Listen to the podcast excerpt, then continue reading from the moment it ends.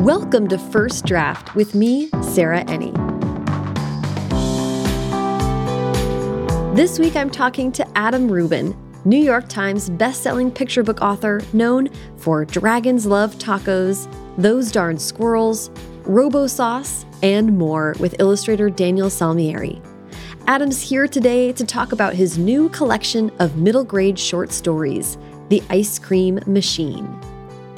I loved talking to Adam, and I really enjoyed what he had to say about how his background in advertising and improv informs his creativity, on how the romantic ideal of moving to Spain and being a full time writer led him to have to buckle down and start outlining, on wanting to encourage a new generation of writers, and why he loves magic, because it's proof that adults don't know what they're talking about.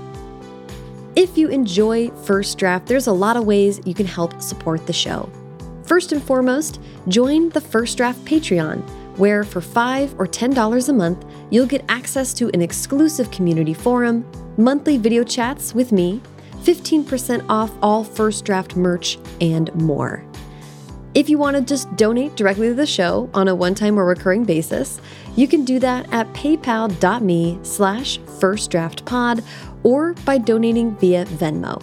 The show is at First Draft Pod on there. The show notes. Oh, the show notes.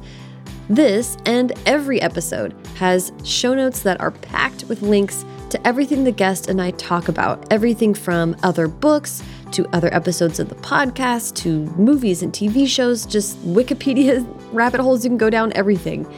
And it's a great way to support the show. First Draft is an affiliate of bookshop.org, so whenever you buy a book through a link on firstdraftpod.com, part of your purchase goes to support the show, and part of it supports independent bookstores. And that's all at no extra cost to you. And hey, while you're on the website, check out the shop to see all the First Draft merch, including an exclusive design by Jon Klassen for the show, a podcast loving dinosaur that is so cute. Every purchase directly benefits the show. And there's a lot of free ways to help, like subscribing to the podcast on whatever app you're using to listen right now, and leave a rating and review on Apple Podcasts and Spotify. And last but not least, sign up for the First Draft newsletter to be sure you never miss an episode and hear about news and upcoming events. Okay, now, please sit back, relax, and enjoy my conversation with Adam Rubin. All right, hi, Adam. How are you doing this afternoon? I'm doing well. Thanks for having me, Sarah. Oh, I'm so excited to talk today. Um, are you aware of what time zone you're in, or like? I'm not sure. but, you know, we got we'll have the time here, and I'll be awake for this, and then who knows what will happen later. Oh, that sounds great. Well, I'm so excited to talk today. I can't wait to talk about the ice cream machine. But you have got many amazing works. I kind of want to walk through your evolution as a writer and kind of star of the picture book world. But I want to start at the very beginning. I like to go all the way back to where were you born and raised? I was born and raised in Rockland County, New York, which is over the river and through the woods from New York City. Nice, nice. And how was reading and writing part of growing up for you? I always liked to write. When I was a kid, I would write all these silly stories and I would write song parodies. I was a huge fan of Weird Al and I loved Monty Python and Mr. Bean and The Far Side was a daily ritual for me. Uh, so I think The Far Side and Calvin and Hobbes were a big influence on me. I had a cartoon strip that I drew and wrote in middle school and high school. And so it was just always something that I did. I always loved to write. And I think it was partially because when I was a kid, like people would tell me what to do all the time. Mm. You know, and when you write a story, you can do whatever you want, and that that's a pretty empowering feeling for yeah. uh, a, a, young person. Yeah, that's um, I yeah, I've been talking to a few friends lately about about that. One of whom has a toddler, and just about the amount of time that we spend telling kids like yes, no, with no follow up, just a lot right, of commands. Right. Well, just think about the last time you had to ask to go to the bathroom. Yeah. It's probably been a while, unless you were yeah. in jail or something. I don't know what your past was like. Currently, no, I'm in charge of that myself, which is nice. That's uh, congratulations. See, that's a good sign.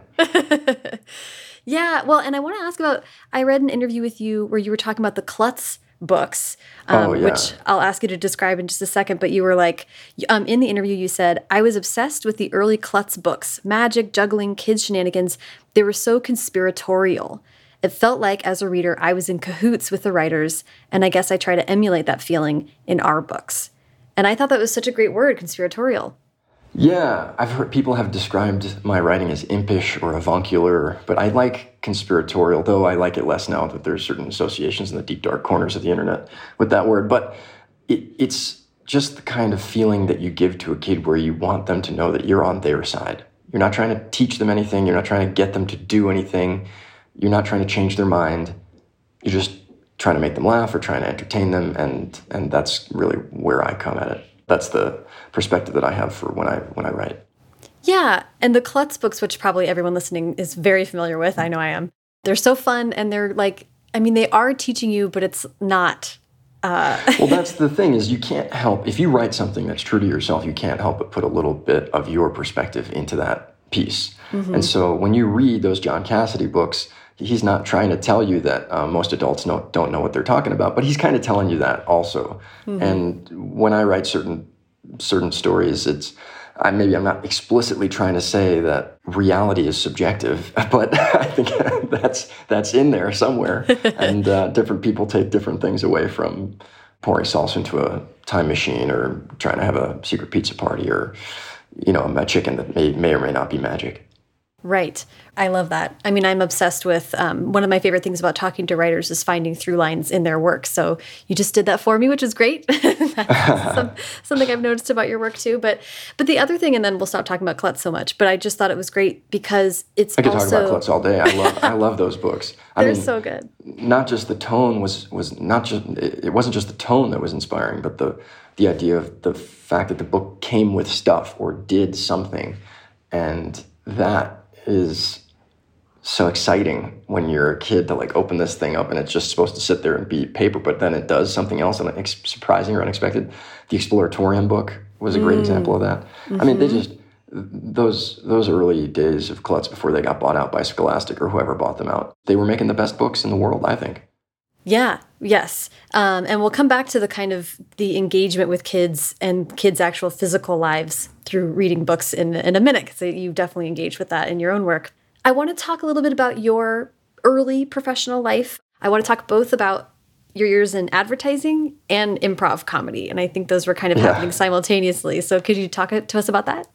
Yeah, when I was in college, I didn't know what I was going to do with my life. I think that's pretty common for 18 year old kids. And so I got to school. I knew I wanted to go away for school, so I wound up at Wash U in St. Louis. And it was great. And it was the first time I'd really been away from home and kind of gotten to shed that personality that everybody mm. you've been in elementary school with your entire life kind of however you were in third grade that's how you are until you're a mm-hmm. senior in, in high school but i didn't really know what i wanted to study i i guess i didn't read the mailings very carefully because they would send you these postcards right as soon as you got in there it's like start sending you all this mail and they had something called the focus program which was a dedicated unit of study that you would take all these different classes and you would be in this particular focus program. And I thought you had to take a focus program. and between like neuroscience and like, uh, you know, anthropology and economics, I chose theater. And so, and I had never taken an acting class before, but I just like, I thought, well, you have to do it. I guess that's part of it.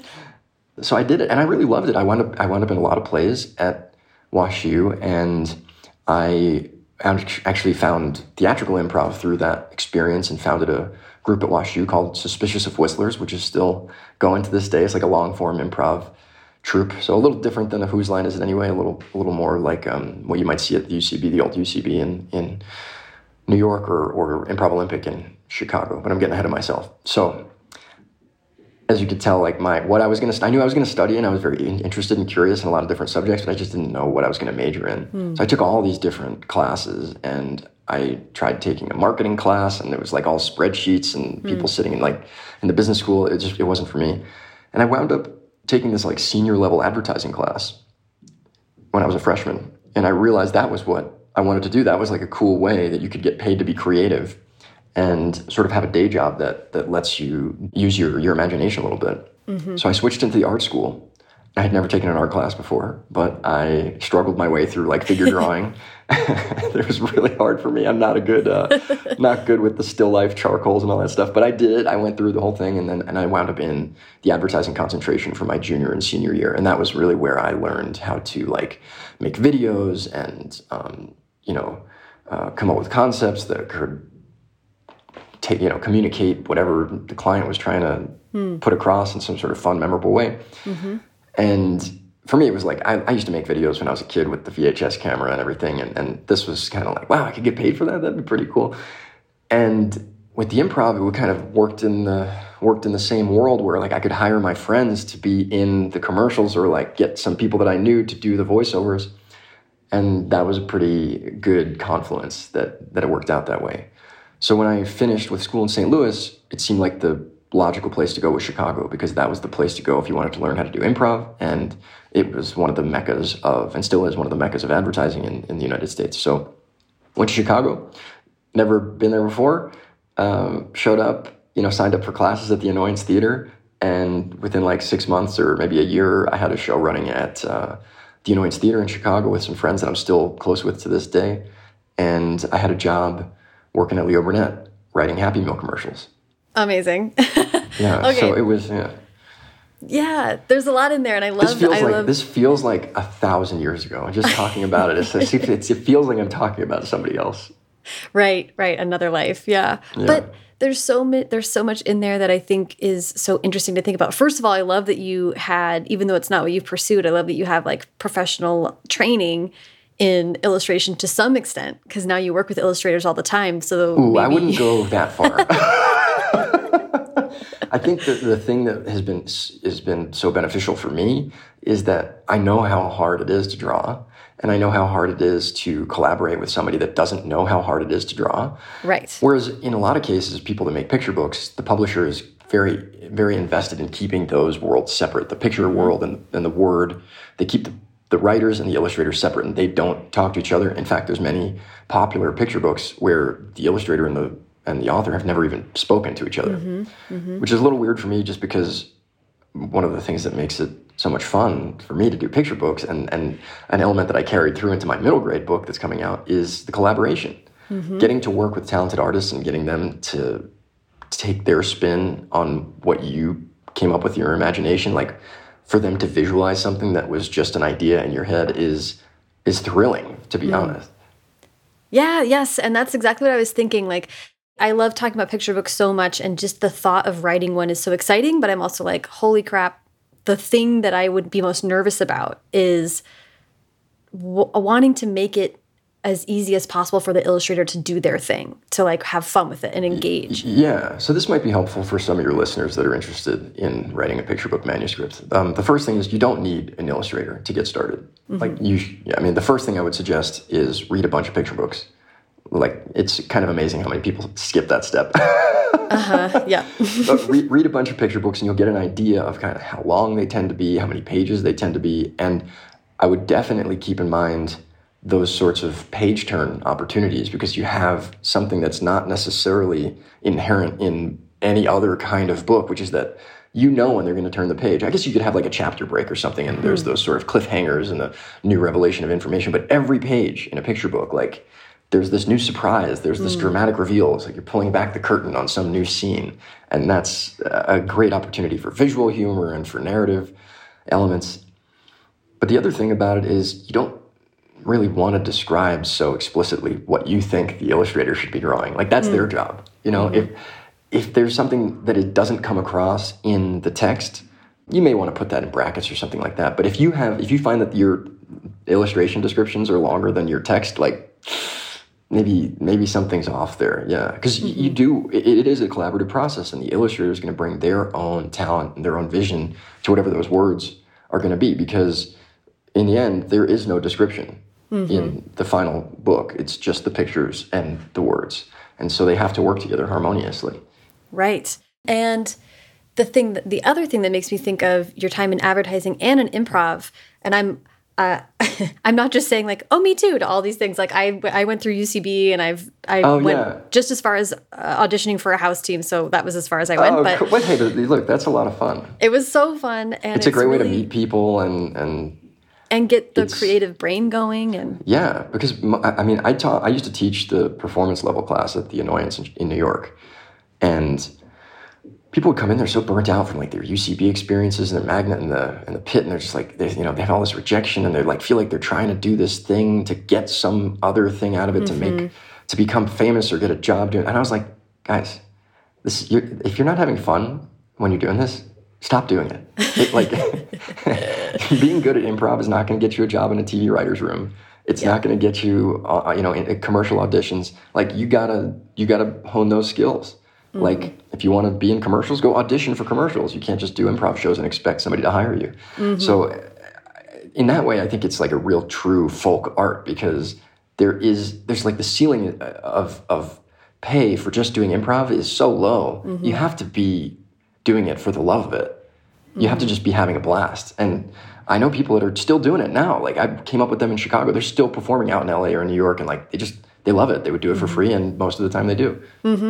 Yes, yeah, totally. And it's yeah, I mean like a lot of what I ended up doing was I was writing books and doing other stuff and then I would just like take 2 hours, I don't know. It was just such a funny thing to do exactly what you're saying. Where I was just like I'm going to take a break and go be like the goofiest idiot in front of 20 other people and that's Yeah. it. And it will live and die in that room and that's just all we can hope for.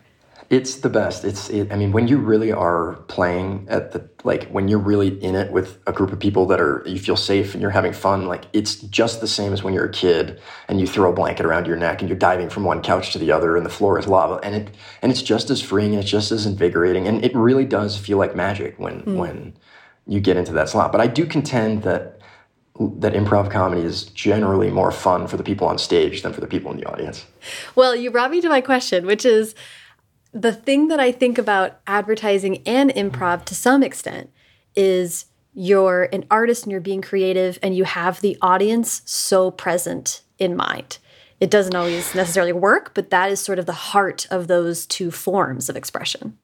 Yeah, and context can be really helpful when you're making anything to mm-hmm. know where it's going to go. Like a blank canvas is is or a blank page in the case of writers is very intimidating for people, but when you have some parameters, it mm-hmm. does kind of help squeeze you into making something, to mm-hmm. actually doing something. And so I do think that that's that's helpful and I've seen a lot of writing workshops and stuff where they just give you these really strict parameters just to get you writing. So you're not mm. thinking about what you're writing, you're thinking about the parameters and they kind of trick you into just starting to make something.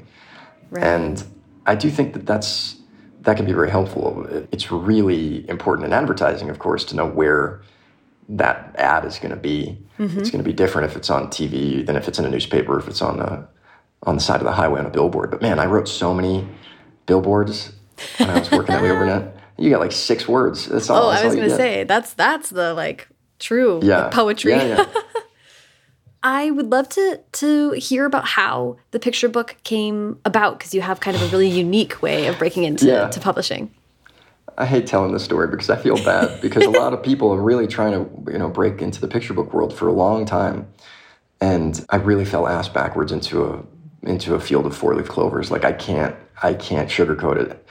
Uh, I was sitting at my desk at Leo Burnett. I think I was working on like a gosh, I really wish I could remember like the premium, like the toy brand that was going into the Happy Meal that week. But it was like, nah, who knows what it was? It was like Spider Man or something. I don't know. Anyway, I was sitting at my desk and I got a call from my friend Corey, who I went to college with. And he said, Hey man, you gotta you gotta talk to my my buddy Dan. I think you guys would hit it off. He was a year behind me in school, though he has a lot more gray hair. I'll just put that on the record.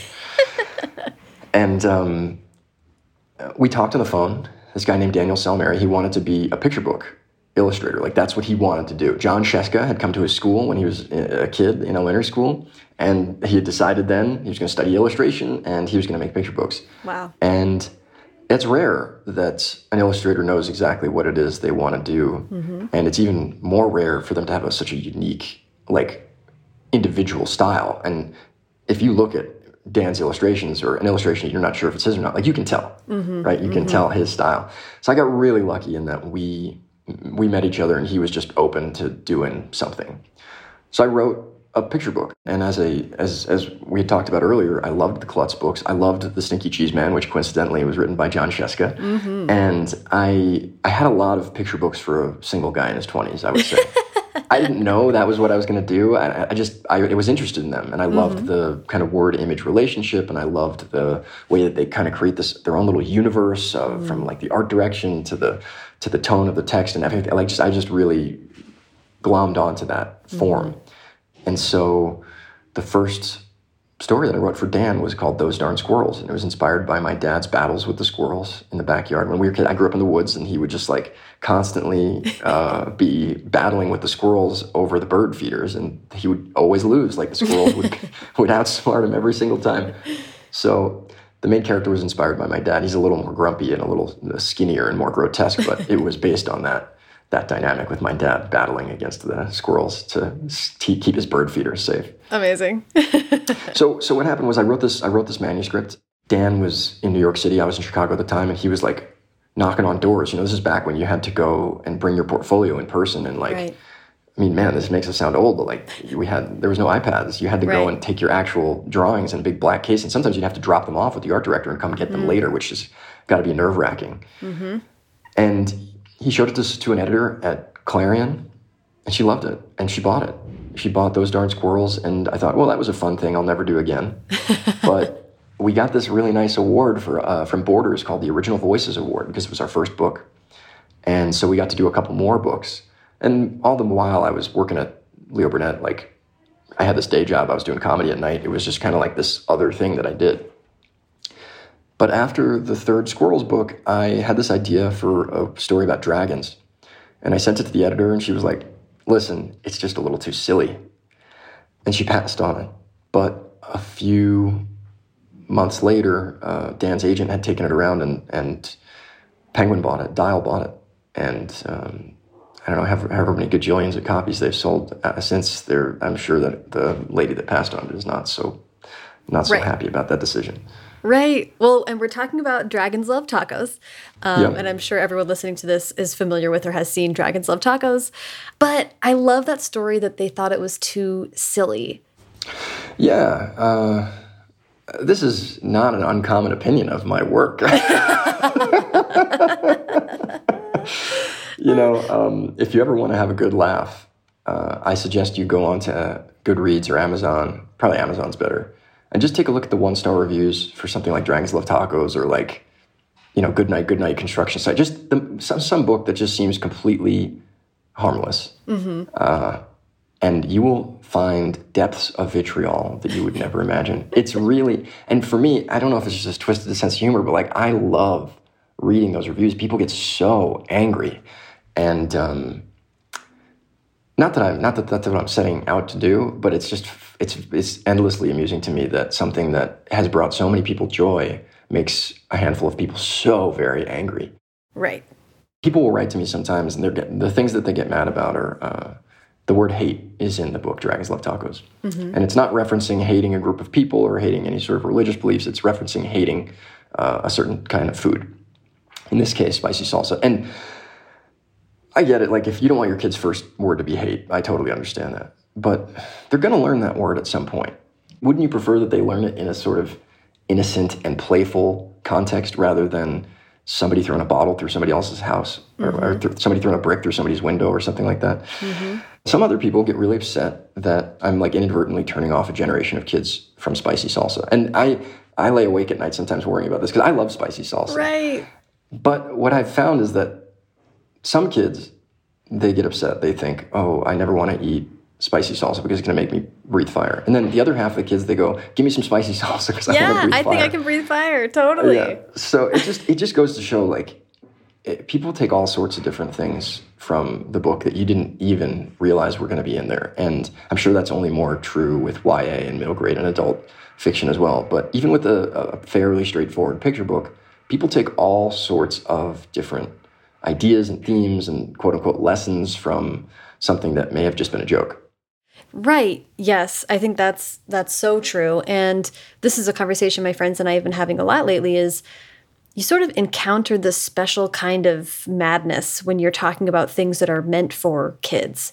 Um, Yeah. Because there's a weird filtration, you know, and I'm just speaking from my point of view. I want to hear what you think, but like when people think that something is for kids, a lot of parents then turn into sometimes it's completely rational, but other times it's this like paranoia. And I feel like it has to do with being really separate from the feeling that you had when you were a kid and a lot of yeah. dis differentiation that doesn't, that is like misplaced. Absolutely. I mean, the Klutz book of kid shenanigans would probably never get published today. They'd be like, "Oh, we're gonna get shenanigans. Sued. We can't. We can't. Yeah, like that. we can't tell kids to whack things with a broom. Like you can't do that."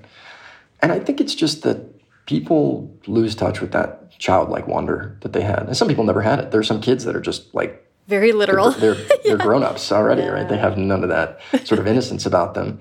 And that kind of goes to my point, which is that kids are just as varied and and diverse in their tastes and interests as adults are. So like nobody ever says, "Oh, all 50-year-olds like this." Right. It doesn't it doesn't make any sense. So right. to say that all 4-year-olds or all 10-year-olds like this or read at this particular level or mm-hmm don't like this or shouldn't be exposed to this. Mm-hmm. That's such a weird, like narrow-minded perspective to have. Yeah. Uh, even just like go go have dinner at two different families' houses, and you'll see that that what's allowed and what's not allowed is so completely different. Mm-hmm. Mm-hmm. So parents just need to be more.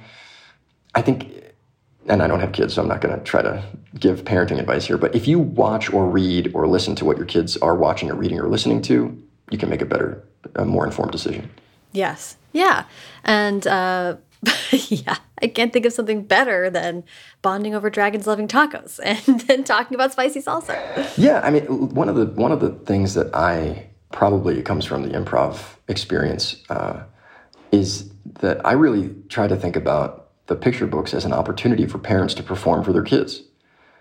Like they may not get a chance to be silly mm. at the office, mm-hmm. but when they sit down with their kids and they turn to that page with where there's no words on it and there's just a bunch of fire and it says too late like what do they do there mm-hmm. what what is that how do they interpret that mm-hmm. in their own little performance in the living room or on the on the bed uh, at yeah. nighttime it's really a unique form to be able to give a family this opportunity to have their own totally unique bonding experience that's probably coming from stuff that's not even on the page mm-hmm. you know like i've heard from countless parents who are like oh uh, you know I have to read the book because my spouse doesn't read it the right way. My kid will tell them like they don't read it the right way. Yes, yeah. And and there is no right way. That's what's mm-hmm. so funny about it is that they they came to it with some perspective or some enthusiasm that they shared with this little little, little person, and mm. f- forever that's the way it's supposed to be for them. Mm-hmm. Yeah, uh, that's I pretty love cool. that. I want to talk about kind of similar to what we're talking about right now with respect to Robo Sauce, which is your mm. other book about a, a secret potion that turns kids into into, well, turns everything into robots. My other my other sauce related book. Yeah. yeah. Um, and I want to talk about the unique part of that book, which involves a physical construction yeah. of a thing. Can you talk about what that is and what it was like to create that?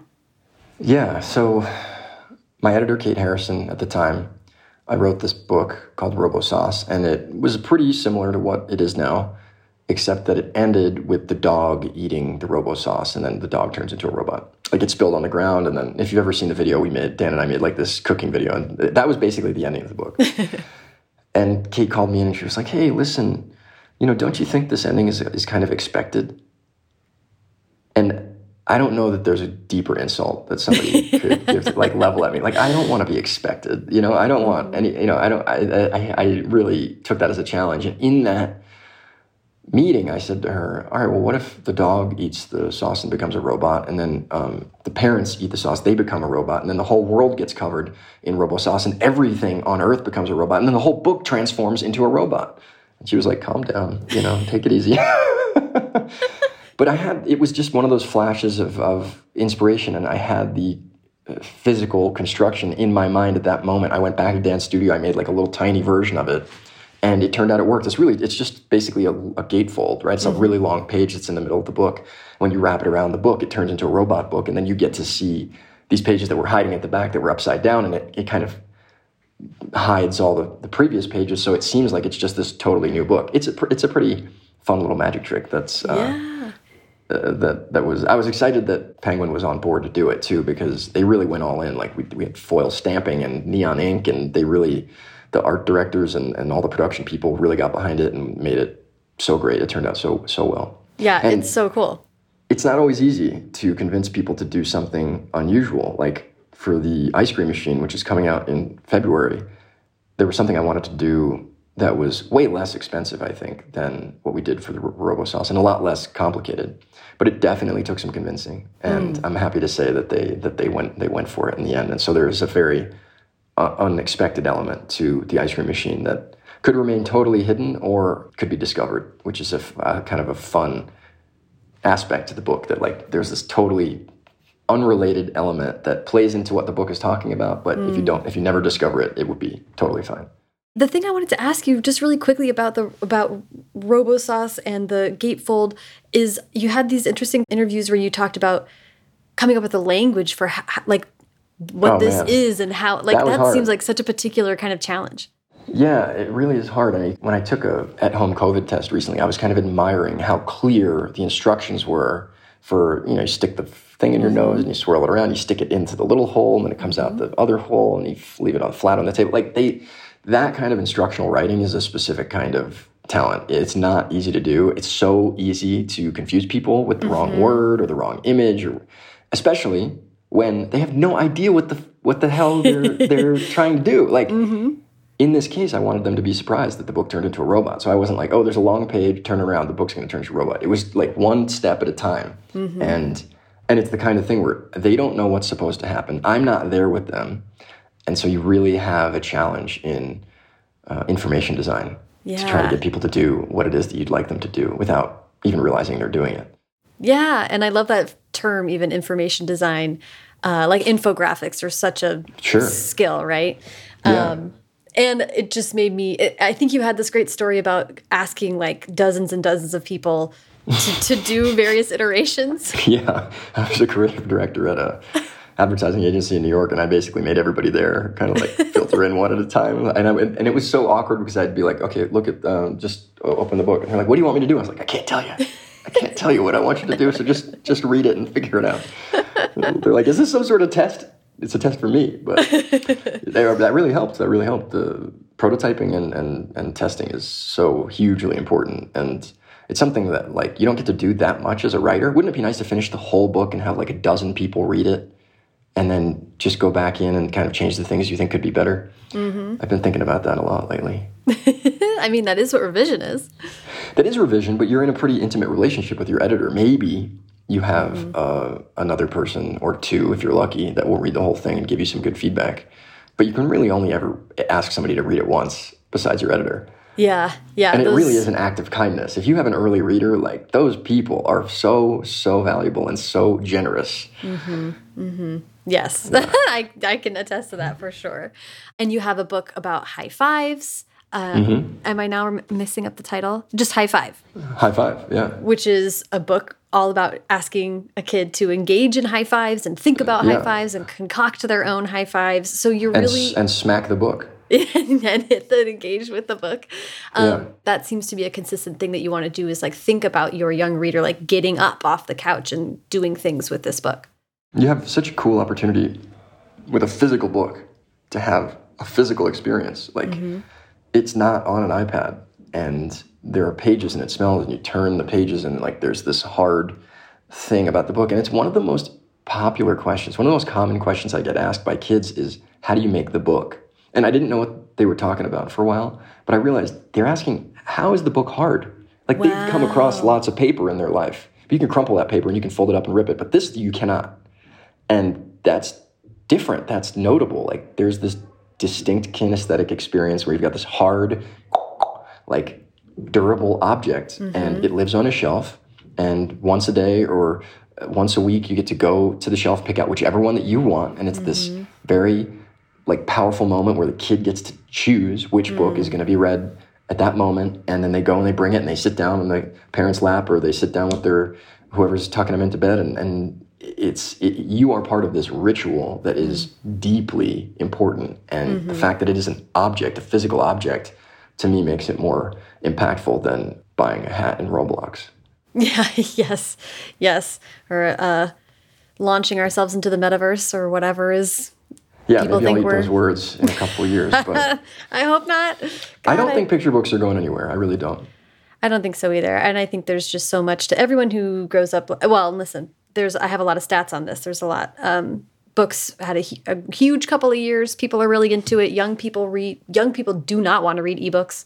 Young people prefer books, uh, hardcover over digital copies. So there's there's good signs for, That's good. for us. I like hearing. I like that. I like hearing that. Yeah. Okay, I want to talk about, we just talked about a few of your books in specific, but I want to talk about your collaborative process with Dan, uh, your frequent collaborator, uh, illustrator friend Dan Salmieri. You've worked together so often. I would just love to hear if there's any kind of rhyme or reason to how you start a project or develop one together. Usually, I start with the title first for any book, and I will say to Dan, "Hey, what do you think if we did a book called High Five or Robo Sauce?" And he'd be like, "Hmm, okay. Ooh, I like it. Okay." And then I start to write, and I kind of get into this stuff, and and. I just did a book with Adam Rex, and he it was the, the process was not that dissimilar. I was like, he put this po- posted this picture of a chicken on Twitter, and I said, "Hey, what do you think if I wrote a book called Gladys the Magic Chicken?" And he said, "You write it, and I'll draw it." And I, he, he thought I was joking at the time, but it turned out I wasn't. And we did make the book together. But everybody's different, obviously, everybody's creative process, and I'm sure you've had a million different answers to this question. But for me, I always think of the title first. It kind mm. of gives some power and and form to this nebulous idea that's floating around in my mind. And even if I don't work on it for a while, if, if I come back to it, I'll have more about that title that I can then sit down and start to sketch out an outline or just kind of jot down some ideas and start to think about what this story would actually be like. With picture books, you know, it's like writing a song. So for Secret Pizza Party, for example, there was a totally different book, and I completely rewrote the book Wow. uh, with a different character and all that stuff, and the same title, and it's just completely different character. It's harder to do that with a with a longer piece. but, but but Dan and I talk, and, and I like when I worked with Crash McCreery on Chupacabra.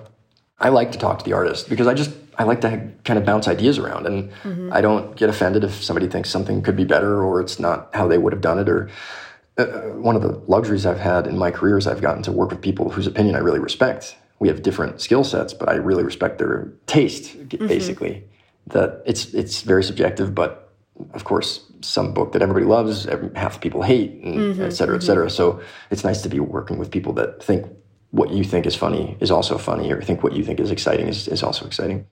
I mean, the thing that gets me over and over about illustrators in general is, I mean, to me, they're like superhumans, but it's a lot harder to adjust a drawing than to delete in Word, right? Well, they start. It, it's it's a similar process where they start with sketches, mm-hmm. very rough, loose sketches that are easy to change or that are easy to do over again, and then they go to a more finished level. Then they go to a more finished level, and so you hope that you have those discussions and nothing really changes uh, once you get to a more finished once a certain point. part. right? Yeah, exactly, exactly.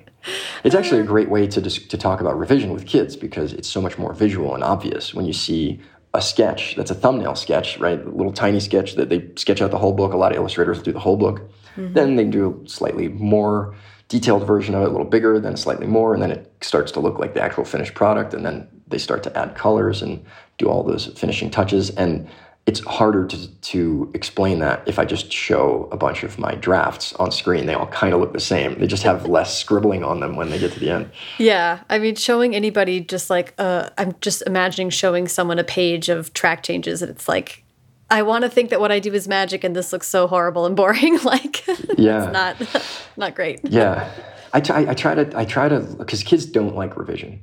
They mm-hmm. don't like to go back. They feel like once they write the end, the story's finished. They're never mm-hmm. going to go back in there. And obviously, that's not never going to be the best story you could write. As if you if you just go through it once and write it as you think of it. But I try to talk to them about it like the revision process is this fun monkey time where they get to monkey around with things and make them better and change them up and try different ideas and switch things around. And sometimes that works but other times they see right through it and they know i'm trying to get them to edit. Well, it's not that dissimilar to talk to grown-ups about revision. I will tell you that right now. So, oh is that right? Okay. It's it's a, it can be a very painful process. Some people love the writing process and some people love the editing process. Mm-hmm. And i don't know that anybody that loves the both Yeah, that's a rare, I think. And the other day, I ha- I prefer revision, and I have a lot of friends that prefer first draft. And the other day, mm-hmm. one of my friends who prefers first drafting said, "Oh, that's a problem for me later down the line when I'm using half my brain in revisions." And I was like, "Oh, so you think you are using your full brain in first draft. And in my ah. first drafts, I'm like 75% because you just want to turn off part of it so you can just go, go, go, go, go. And then revision is like 110% of my brain, basically. Yeah. and also, there's the pressure of you can't change it after. You have to get to a certain point in the revision where you're like, well, this is it. Better be good. Yeah. Yeah. It's true. And the um, first draft can always get better. Yes. Right. The point is that it's just kind of like, blah. Yeah. Um, but it's, but everyone's approach is so different. Um, yeah. Okay. I wanted, let's talk about the ice cream machine. Hmm. I have so many questions about it. Before we get into it, do you mind telling us the, the pitch for this book, please? Sure.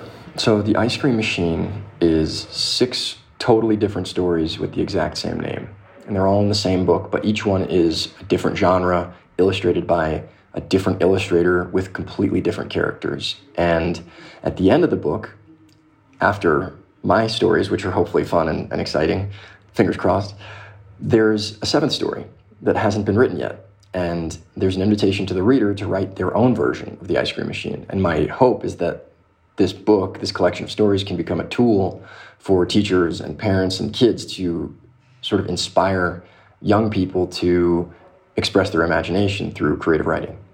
Yeah, I love that. And I That's my first time I've pitched it. How, how did it? That was great. that Okay. was so great. Um, and that's the uh, it's it's so fun. It's such a it's so imaginative and it's still so visual, but it is geared towards a little bit older audience.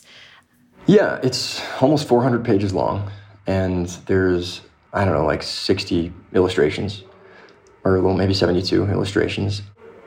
It's a world that I don't know anything about. I mean, nobody was asking for this book. Uh, it was just something I feel I felt like I needed to make and try to get.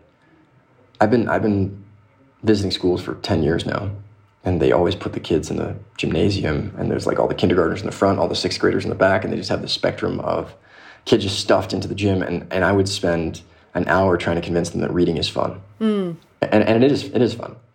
It's an exercise in empathy. It, it, it like expands your horizons. You can learn things. You can like you can hone your own imagination uh, through reading. But on some level, it's kind of this passive experience. Mm-hmm. Mean, it's more, it's it's less passive maybe than some other forms of media. But I really wanted kids to understand that writing is magic, and that you can take something that's in your mind that nobody knows about but you, that nobody could have ever come up with but you, and you can through writing put that into someone else's imagination and share that with a stranger. And that is like a witchcraft that we very often overlook. But just the fact these little squiggles, and, and you, you understand it pretty pretty uh, profoundly when you visit a country where you don't understand the alphabet. That like it, it is a kind of magic to look at this gibberish and understand and have an idea pop into your mind or a visual image pop into your mind. That's uh, that's pretty pretty pretty magical. So you wrote in the acknowledgments that this is your first big book, quote unquote big book, um, and it is, as you say, it's 400 pages. So any way you measure it, that's it's a bigger book than you usually do, and that you had, yeah. and that you had to start all over again halfway through. Can you talk to me about what what was what's the story there? I, in 2015, I quit my day job in the advertising industry and moved to Spain. And I had this idea that I was going to be a writer, like a writer, sit down and like write every day. And, you know, because I, I had always written at night at a kitchen table or something and had a million other things going down. I was like, now I'm a writer. Hmm. I'm an expat writer. Like, this, how much more romantic can you get than that? Mm-hmm. So I would go and get my coffee, and I was learning Spanish and uh, sit at my desk, and I had this little tiny room, and I would just try to write as much as I possibly could. And I had a kind of vague idea what I was going to do, but I just I was so intimidated by the word count hmm. necessary. Mm-hmm. I was so intimidated by the thought of writing thousands of words. That was all I thought about. I was like, let me just sit mm. down and just just pump out these words and just squeeze them out, and I'll get to the end of the story, and that will be the end. And I finished the book, which is quite long, as you as you said, and I read through it, and I just thought, oh shit, I gotta start over again. Oh no! So I really I had started I started over 100 percent. Wow. Like just same stories, mm-hmm. but I just scrapped the draft entirely, and I used it. I used it as an opportunity to just learn my own process, which was which was new to me, of creating a really detailed outline. Mm. And for me, the outline's very visual. I, I, draw it out. I draw little little doodles and, and have little add things as I'm mm. trying to go through there. And I use a trick that I heard about from Trey Parker uh, from South Park. He said that there's the that everything in the plot should be connected by either but or therefore. Mm. And that that's a way to, to check that everything's connected and, and motivated. Mm-hmm. And so, between that and this lecture that I heard given by Kurt Vonnegut on YouTube, I've never met Kurt Vonnegut, or I was never in his class, but he gave this lecture about the shapes of stories. And he had this hypothesis that there's six different shapes of stories. Have you ever seen this before? Yeah, my agent just showed me this, and I have. Yeah, yeah. I'm gonna. I'll go find it and link to it in the show notes here. But but yeah. So that's why there's six doors in the ice cream machine is when I drew the outlines, they were those different shapes. And then I kind of went off from there and started. And frankly, I don't know if you could read the book and figure out which one is which because they kind of, as we said all throughout this interview, like things are subjective and mm-hmm. what, what you might think is a diagonal line might be a curvy, a bell curve or something.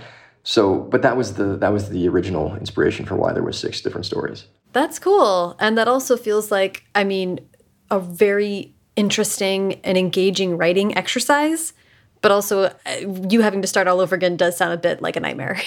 yeah, it was a nightmare. It was really dispiriting, and it was uh, depressing.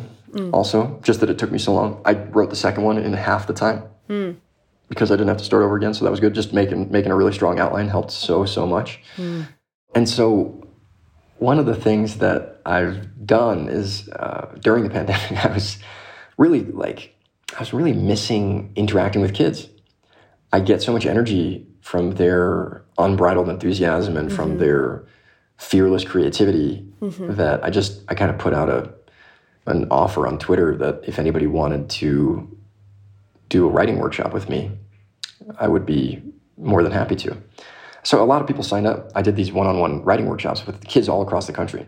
Cool. And it was so much fun. It was so fulfilling. It was inspiring. It was invigorating. This was the depth of pandemic. There's like nothing mm. fun was going on. Mm-hmm. And these kids, I would meet with them three times over the course of three weeks, and they would write these stories, and we would I would help them kind of tighten them up and and mm-hmm. find the whatever they were trying to do, but 100% their story. And it was so much fun, and it really helped me to understand better how to explain the process of mm. writing a story in a really simple way. And so one of the things I've done along with the ice cream machine is there, there's some very simple tips in the back of the book about how to get started. It's very it's it's really a short little section, but on the Penguin Classroom website, there's going to be 18 videos that take you through the process of writing your own story. And I talk about those shapes and I talk about making an outline and I talk about the but so test and all sorts of things that I hope will help a kid kind of take what's in their brain and squeeze it out onto the paper in, in the, a way that makes them feel good about it when they're finished. That's so cool. I love that. That's going to be an amazing resource. And I have the the recommendation page and it stood out to me because I read a little bit about you having to say that you started over and then used an outline and I was like, yep, yeah, that's the number one the number yeah. one tip. Make a loose plan yeah. before you start. Um, Make a loose plan before you start. Good advice in almost any aspect of life. I would say so. Yeah. Yeah. I want to ask about the six different illustrators. And yeah. you, you mentioned that those that that was also an, a collaborative relationship with with all those people. So how did you find them, and how did you write stories together? Well, one of them is Dan, and yeah. he was the because I had. How'd you find him? I, well, he was, he was, the witness at my wedding, so I figured he would do it. Uh, we really tried to find, and I, the the art directors and the editor at, at Putnam were really helpful and integral in this whole process of reaching out and trying to find not just six great illustrators, but six great illustrators with diverse styles, mm, mm-hmm. right? You don't want to have anybody that looks similar. And so mm. that becomes tricky because certain people kind of, not that they do the same thing, but it's kind of in a similar universe. And, mm-hmm. and so it was this weird, like, draft of who says yes and then who will, who's different from that person. Mm-hmm. And we wound up with six amazingly talented people that are from all over the world and draw in totally different ways, and some of them super famous, like Liniers is one of the illustrators in the, the book. And uh, it was just really a pleasure to collaborate with Charles Santoso and Nicole Miles and Emily Hughes and Seaerra Miller did, did the, the sci-fi story. And having somebody that's really great at what they do take a look at the story and kind of think, well, I might, you say that the character has horns, but what if they had bat ears or something? And that's that's like a secret trick to make the story better is i get to have six really smart people read the story and think about how it could be better. Yeah that's so fun. So i mean was it that way they saw the draft? Because you you did yeah, you write it yeah, all I, all of them first? Yeah. I wrote all of them first and let's say that was a second draft or so uh, so there was still a lot that was going to be changed with the editor but i sent those drafts to the illustrators and they got to see an early work in progress and then i got to incorporate their feedback into the later drafts and in some cases like little things that in the text, like saying somebody has uh, a ponytail, for example, mm-hmm. is one little word. But mm-hmm. every time you see that character, they've got to have a ponytail. Mm-hmm. So in certain cases, the illustrator would say, "Well, what if they didn't have a ponytail?" And I'd go, "Absolutely, you're right. Yeah, they, there's not there's nothing inherent to this character that they have a ponytail." So that was the thing in the character designs oftentimes those were the places where things changed. Like one word would change, but then all of the illustrations would change because mm-hmm. that was mm-hmm. how the illustrator saw that character when they were sketching it out. Mm-hmm. I love that. Yeah.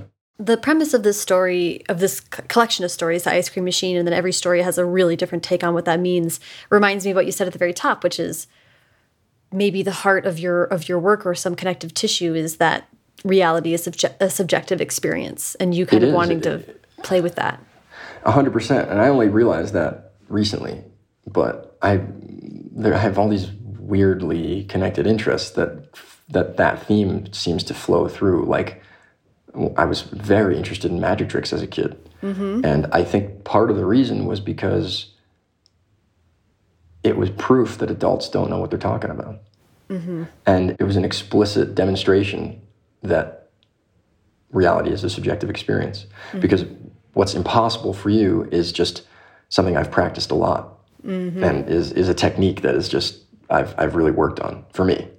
And another great interest of mine is puzzles, optical illusions. All these things are, are related to the fact that they kind of prove that there are at least two different perspectives to see the exact same thing. And that I love optical illusions most of all because of that, because it's just so explicit and so profound to look at something and see two different things. Mm-hmm. And, and they're distinct different things. It's not like, oh, I can see it this way. I see that it's, they're just completely different. Yeah. And uh, I think it's a good reminder. The, the learning another language as an adult was also really impactful on my perception of the subjectivity of language too. Is like when I say glass, you think of glass, but somebody that doesn't speak English, they think of something totally different. And if you have two languages bouncing around up in your head, you kind of have to remember that what you say is not necessarily what the other person's going to hear. Mm-hmm. The United States, unfortunately, is largely monolinguistic, and I think that's part of the reason we have such problems with empathy. Mm. Is it's just not so obvious that what you say isn't what the person hears all the time. Mm, I really love, yeah, I really love that. I just rewatched Arrival the other day, and there's a lot yes. of talk about linguistics. And the yeah. uh, at some point, she mentions in there the theory that when you learn a new language, it can re when you immerse yourself in a new language, it can restructure your brain and your neural pathways, which is I've, a huge I blessing. Felt that absolutely. There's little things like tienda in Spanish is store, but mm. it's also tent. So whereas when I think of store in English, I think of a store, right, a storefront, but also mm-hmm. a place where you store things or keep things for later. Mm-hmm. But when mm-hmm. somebody that's a native Spanish speaker thinks of a, t- of a, of a tent, they may also think of a store. Right. So there, there's like these weird little tiny things that add up to a big, big difference. Mm-hmm. And uh, and neither one is right, right? That's what gets no. Me. No, neither one is right, and that's why my third piece of advice in that the little back part of the book is just to write something that you like. Yeah. Because if you try to write something that somebody else is going to like and they don't like it, then nobody likes it. Yes. And you, you don't know what they're going to like, right? You can try to guess and you put the, put it's it's what we were talking about the advertising like oh it's uh, 35 to 50 year old women that live in the northeast and are interested in yoga and this is what i'm going to try to make for them but if that's not you how do you really know so i think that that's uh, obviously there are commercial pressures and and industry pressures. People want to sell a lot of books. I want to sell a lot of books, of course. I, I don't know if anybody's going to like this book. I hope it sells a million copies. We'll see. But that's the luxury of talking to kids. It's this totally idealized. There's no outside pressures. They can really write whatever they want, and that's what I want to try and encourage them to do. Yeah, I love that. I like to wrap up these. I've, you've already given me so much of your time. Um, I like to wrap up with advice, but that, I was kind of going to ask you, like, maybe what's advice that you have after spending so much time with young creatives? But if you have yeah. any other advice for people who are, are um, interested specifically in picture book writing, I'd love to hear that too. I mean, my biggest piece of advice creatively is something that I learned from Mick Napier, who wrote a great book called Improvise, which is a fun read, even if you're never going to get up on stage and try to act like a chicken. And what Mick always says, and something I always try to keep in mind, is uh, fuck fear. It, it, it hardly ever helps. hmm. And uh, I think taking an aggressive stance against it with some strong language is, uh, you know, a lot. When I do presentations or if I'm at a podium or something, I often have a little card that just says that, mm. um, just for me. So I think that's a good mantra for people. Yeah. But for picture books, I would suggest don't put the F word in your picture books. uh, and I would also suggest that you, you really think about the fact that it's going to be read, read aloud. And not just read aloud, but also that almost always, when a picture book is read, it's facing away from the reader, or like they're holding it out on their, their I've done this a million times, like you're holding it kind of out on your arm trying to read it, but also show it at the same time. Mm-hmm and it is uh, a performance. It's a sharing experience. So I think that trying to keep that in mind when you write your manuscript could be really helpful. Oh my gosh, this has been such a pleasure, Adam. Thank you so much for taking all the time to chat with us today, and congratulations on this new book and new series of books. I'm excited for it. Thank you. I hope that uh, the writers out there took something that may be useful from this talk. I hope they check out the ice cream machine and buy 50 copies for every creative kid that they know. If you know any creative kids, I mean, maybe they'd like it. Absolutely. Well, thank you so much. Thanks, Sarah.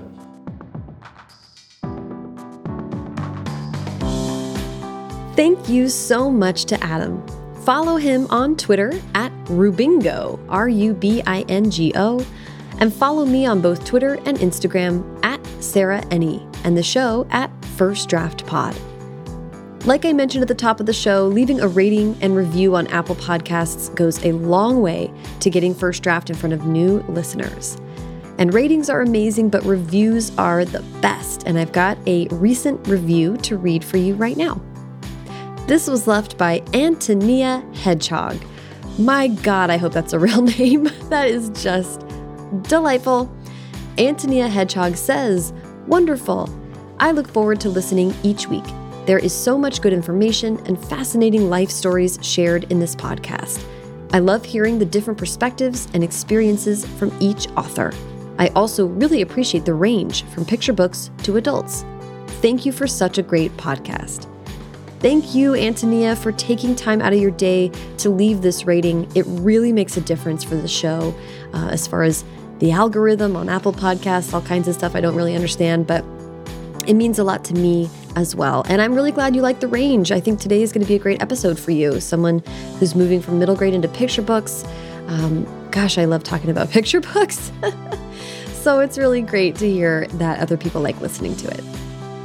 First Draft is produced by me, Sarah Enni. Today's episode was produced and sound designed by Callie Wright. The theme music is by Dan Bailey, and the logo was designed by Colin Keith. Thanks to social media director Jennifer Nkosi and transcriptionist at large Julie Anderson. And as ever, thanks to you, fire breathing salsa lovers, for listening.